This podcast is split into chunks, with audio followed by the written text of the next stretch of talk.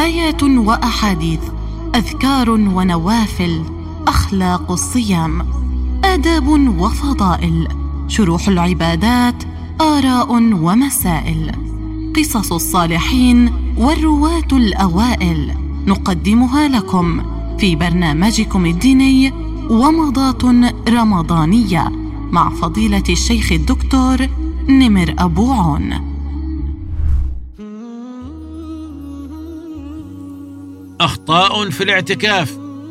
بعض الناس يقعون في بعض الأخطاء عند أدائهم لهذه السنة ومنها اولا تفريط بعض الناس في حق أهله وأولاده وتضييعهم وهو في معتكفه. فربما انحرف الواحد منهم وضاع خصوصا مع غياب الرقيب والمتابع. كالأبناء المراهقين والاعتكاف سنة. والمحافظة على الأهل والأبناء من الواجبات. فكيف يضيع الإنسان ما هو واجب عليه من أجل المحافظة على سنة؟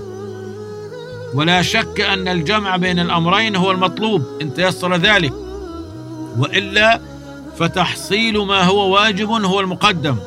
ثانيا من الأخطاء جعل الاعتكاف فرصة للمباهاة والتفاخر وجلب ثناء الناس. ثالثا التوسع في المباحات والإكثار من الأكل وفضول الطعام. رابعا الإكثار من النوم وعدم استغلال الأوقات في المعتكف.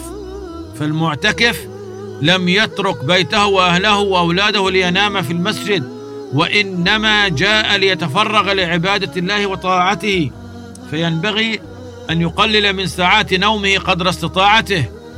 خامسا عدم المحافظة على نظافة المسجد. فربما ترك بعض المعتكفين مخلفاتهم دون تنظيف. سادسا بعض المعتكفين لا يصلي أحيانا التراويح مع المصلين. سابعا إظهار البعض الجد والحزم والعزم والنشاط في أول أيام الاعتكاف. ثم لا يلبث أن يفتر ويتراخى بسبب المخالفه المخالطة وإلف المكان بعد ذلك.